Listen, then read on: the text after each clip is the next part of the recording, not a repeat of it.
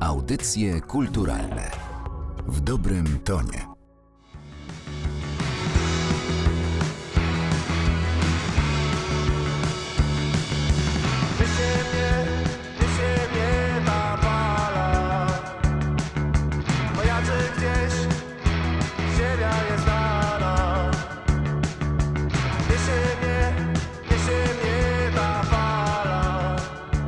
Słuchają Państwo audycji kulturalnych podcastu Narodowego Centrum Kultury. Dziś w kontroli jakości warszawska grupa Tentent, czyli Emil Litwiniec, Kuba Korzeniowski, Jan Wiśniewski. Dzień dobry, witajcie.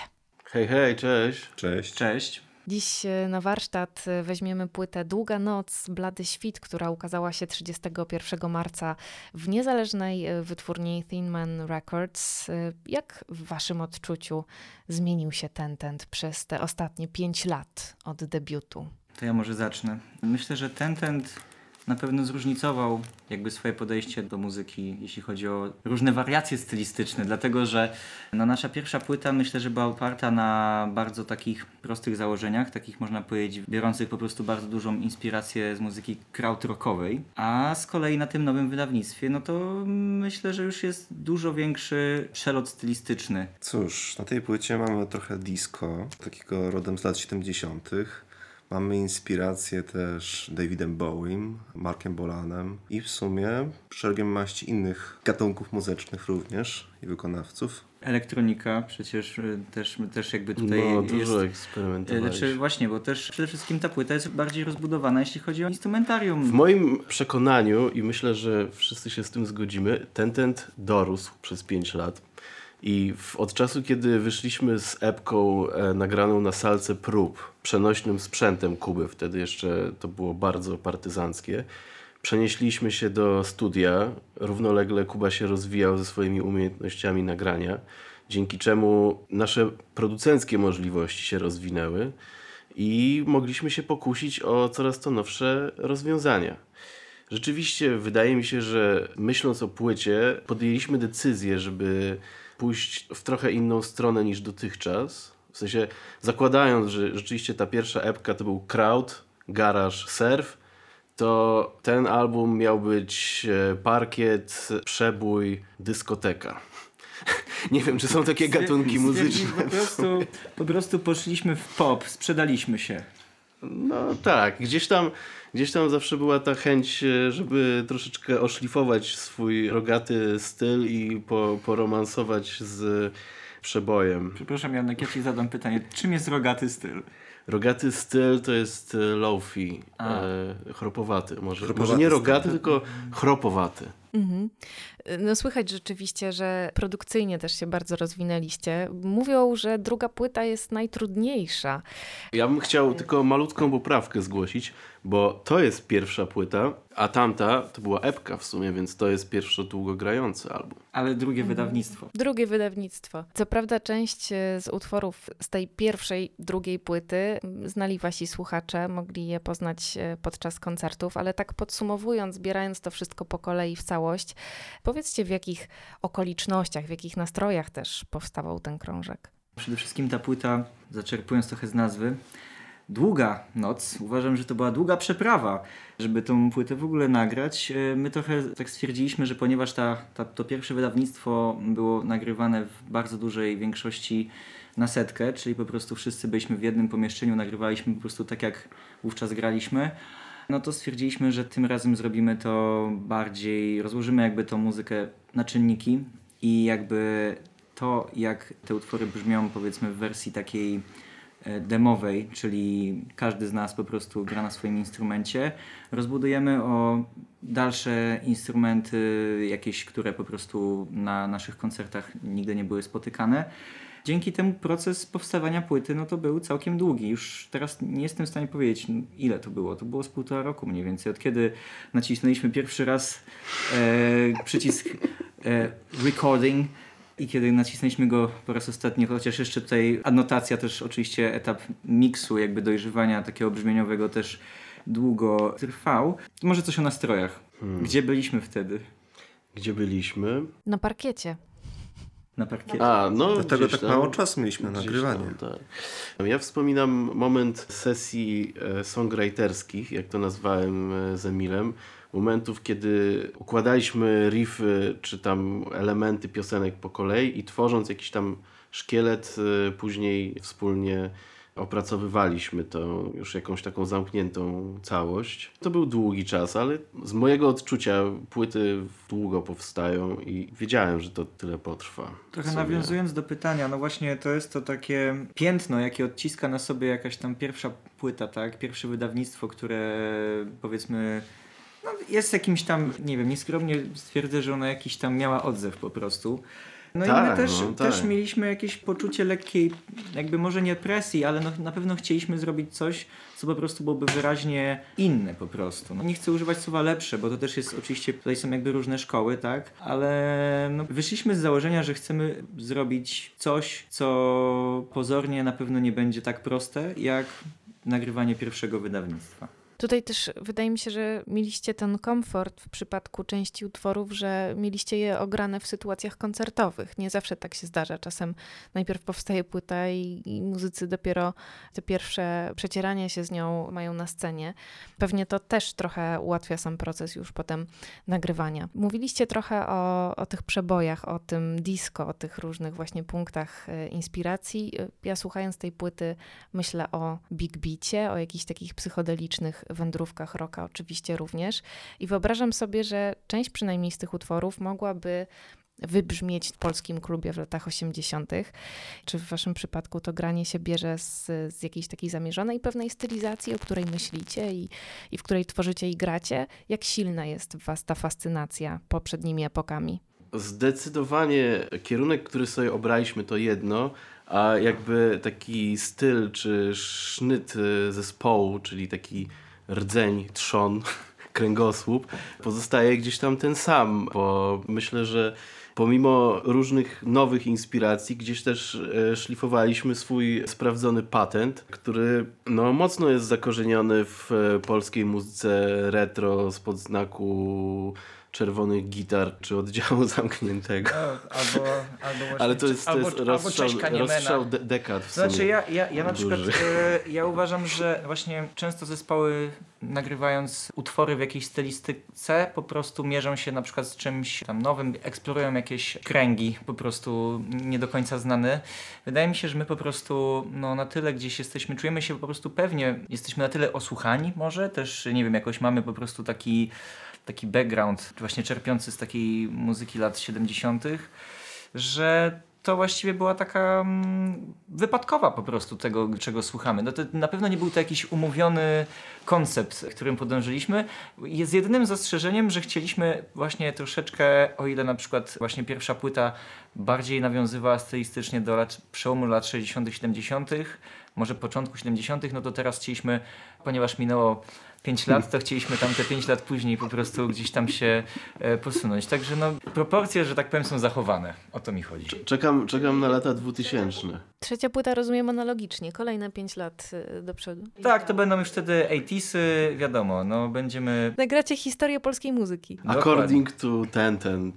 e, Tak, znaczy y, y, po prostu moim zdaniem, żeby rozmawiać o historii, no to też tej historii musimy dać wybrzmieć, więc no myślę, że tutaj właśnie te tam 40 parę lat to jest właśnie wystarczający odcinek czasu, żeby móc się faktycznie wypowiedzieć z takiego już holistycznego punktu. Nie, nie wiem trochę o czym mówię, no ale nie, no tak po prostu... A upraszczając y, sprawę, ja myślę, że piszemy numery i gramy muzykę, która nam się podoba przede wszystkim, a to, że nasze serca gdzieś tam biją w tamtych czasach. Tak to już wyszło, no, w ten sposób. Myślę, że mocno się inspirujemy The Beatles, obserwujemy ich warsztat, w sensie pisania kawałków i próbujemy je po swojemu interpretować i nagle wychodzi, a okej, dobra, czyli tak robiły też czerwone gitary, aha, czyli to brzmi podobnie do czerwonych gitar. No i tak historia gdzieś tam zatacza koło, no myślę.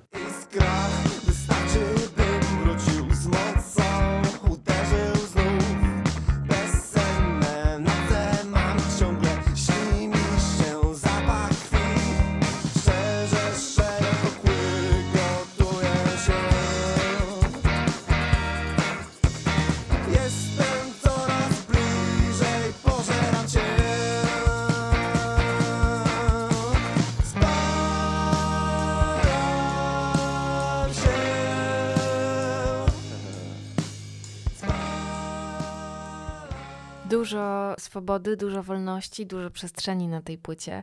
Ja słuchając tego albumu widzę obrazki z jakiegoś lata, które nigdy się co prawda nie wydarzyło, ale, ale mogę je sobie zwizualizować z tych długich nocy i tych bladych świtów.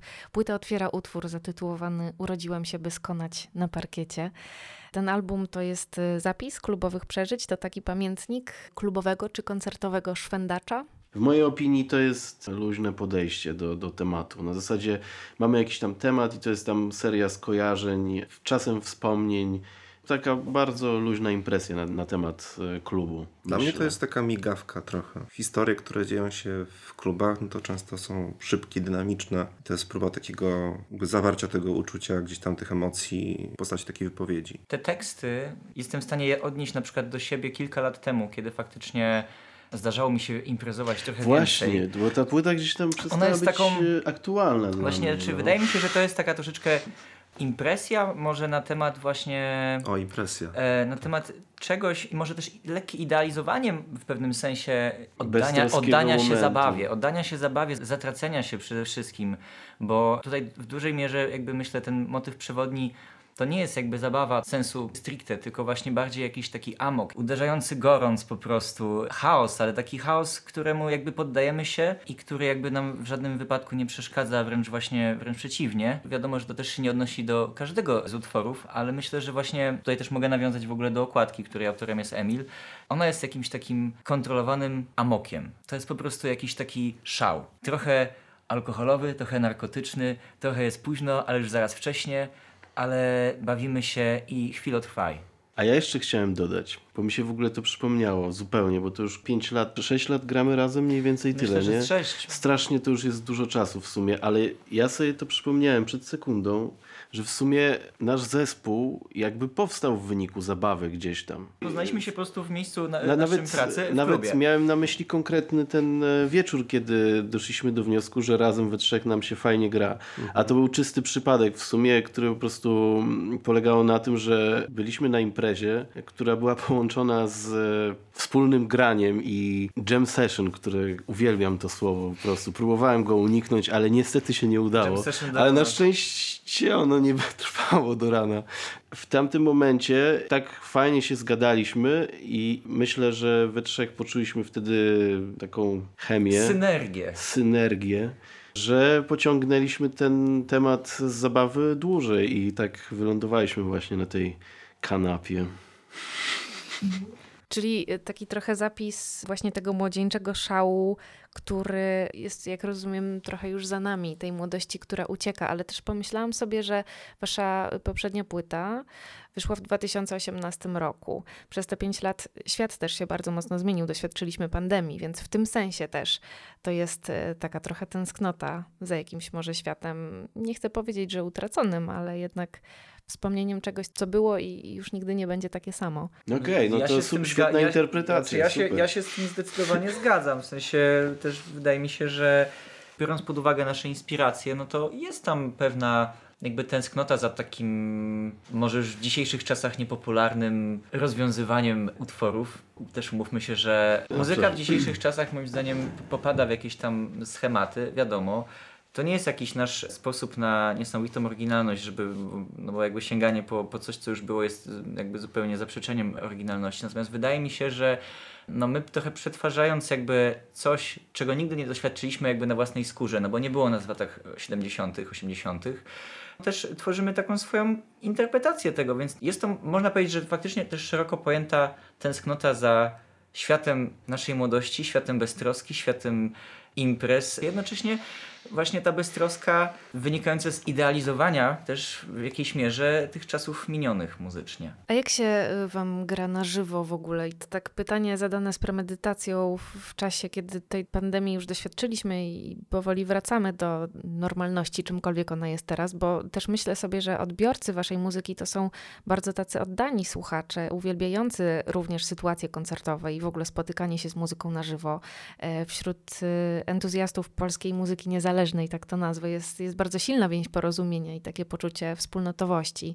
E, Nie wiem, czy się ze mną zgodzicie, ale y, pewnie każdy tego doświadczył, kto kiedyś był na tego typu wydarzeniu, gdzie takie zespoły jak Tentent mogły się zaprezentować. Cóż, koncerty chyba nasz żywioł Myślę, że świetnie się tam sprawdzamy. Zresztą też myślę, że my mamy taką energię, która gdzieś tam zawiera się też w nazwie zespołu, czyli Tentent, który powstaje na tej scenie i potrafi zebrać ludzi ze sobą. Takie było założenie, wydaje mi się. Fajnie byłoby grać więcej koncertów. Nie każdy zespół faktycznie był w stanie wrócić po pandemii do takiej formy i też mówię tutaj o takiej formie koncertowej, do takiej ciągłości, jaka była przed pandemią. No, myślę, że akurat ta pandemia trochę nam pokrzyżowała e, Nie no, szyki. my, my mieliśmy trasę w ogóle przecież e, na wiosnę zabukowaną, tak. która się nie odbyła No tak, znaczy no myślę, że to pory. też taka historia, wiadomo, którą wiele zespołów właśnie takich aktywnie grających musiało przerobić, a że też no, ta płyta jest w takiej formie, może właśnie ta forma studyjna faktycznie tym razem różni się od tego, co jesteśmy w stanie zaoferować na koncercie. Moim zdaniem też no, zachęca tak naprawdę do oglądania nas na koncertach. To nie jest tak, że płyta jest kalką tego, czego się można spodziewać na, na w sumie, koncercie. jakby nie patrzeć, bo rozbudowane aranżacje konfrontują się tutaj z trio, bo my cały czas występujemy we trzech w sumie, w tym takim typowym składzie powiedzmy scenicznym. Te utwory, które są na płycie, oczywiście w innej formie jesteśmy w stanie je grać na żywo, ale no, są to dwa zupełnie osobne byty tak naprawdę. Tak, zgadzam się. Często też dodajemy coś od siebie za każdym koncertem, dodając jakiś element, zabierając jakiś element, trochę pozwalając temu żyć. Też wychodząc jakby trochę z idei improwizacji. O, żywy zespół, tak?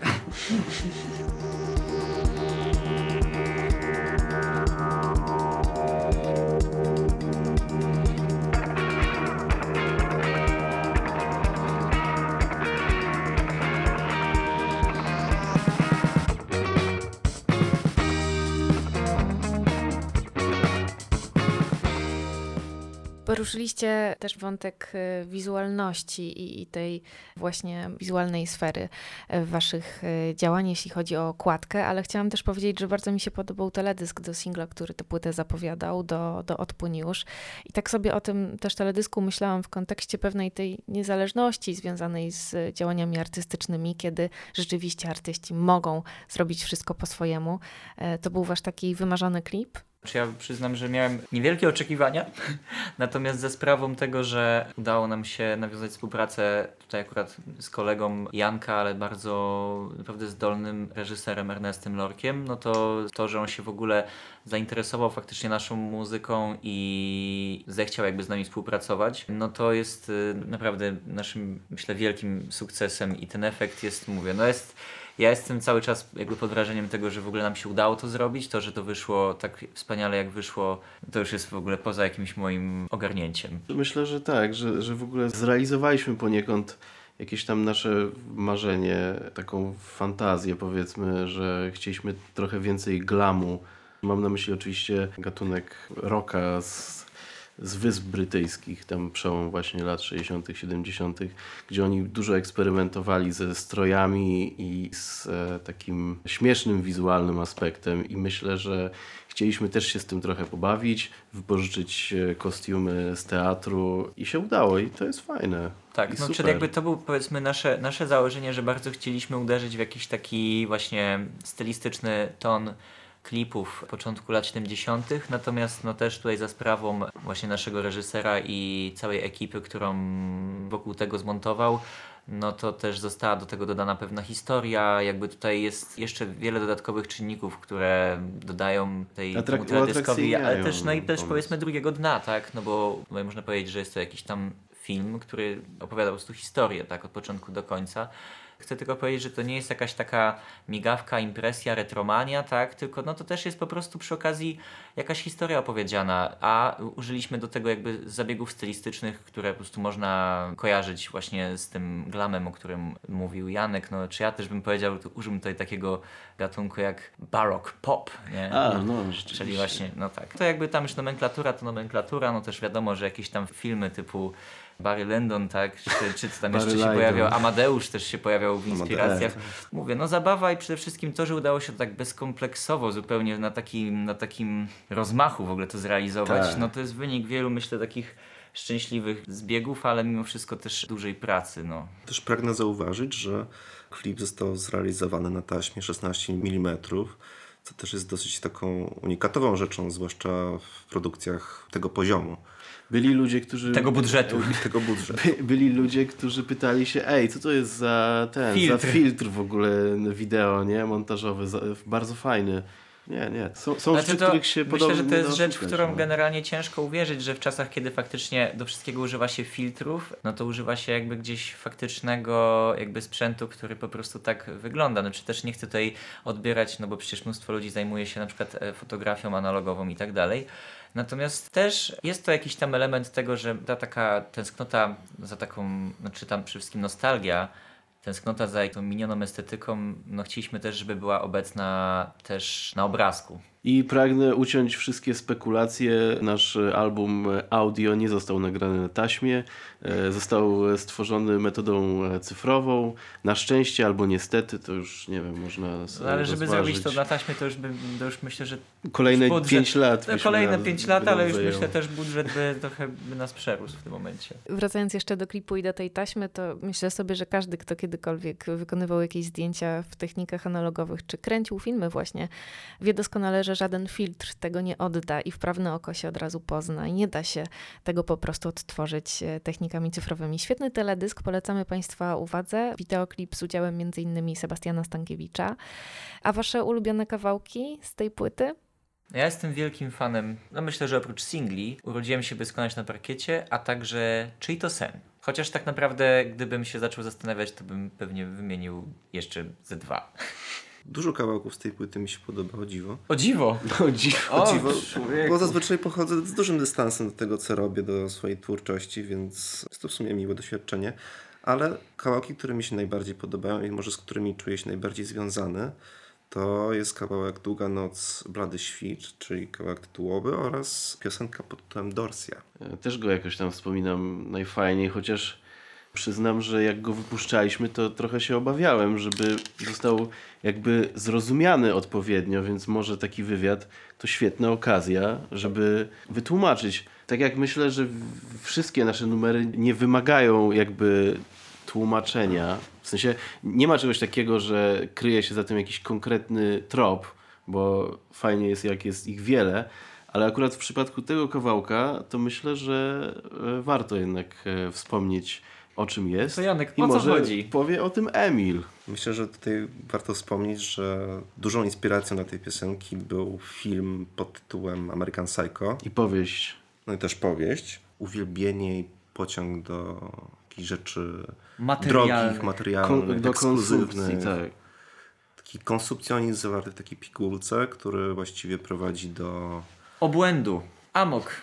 Długa noc, blady świt. Co gdzieś tam jest, myślę, że od, w oddali raczej dla nas. W sensie ja się nie czuję jakby jako osoba uzależniona od e, Dóbr. konsumowania i dóbr materialnych, ale fascynacja postacią filmu American Psycho jakby pozwoliła nam napisać tą piosenkę. No to też jest wizja świata, którą możemy obserwować na co dzień w mediach. Też prawda. To też jakby to jest ona oczywiście przerysowana, ale z drugiej strony można sobie zadać pytanie, czy na pewno jest przerysowana. I podoba mi się też to, że Emil w zwrotkach wymienia e, marki firm ubraniowych, co do tej pory, w moim odczuciu oczywiście, zawsze one były zarezerwowane dla raperów. W sensie w piosenkach rapowych pojawiały się nazwy marek jakichkolwiek, a my przełamaliśmy to. To ja do może do tych ulubionych y, utworów dorzucę od siebie tę falę. Dzięki za klimat, który stworzyliście w tym utworze. E, Grupa Tentent y, o swoim drugim wydawnictwie, płycie Długa Noc, y, Blady Świty dziś gościła w audycjach kulturalnych. Emil Litwiniec, Kuba Korzeniowski, Jan Wiśniewski. Bardzo Wam dziękuję. Dziękujemy. Dziękujemy.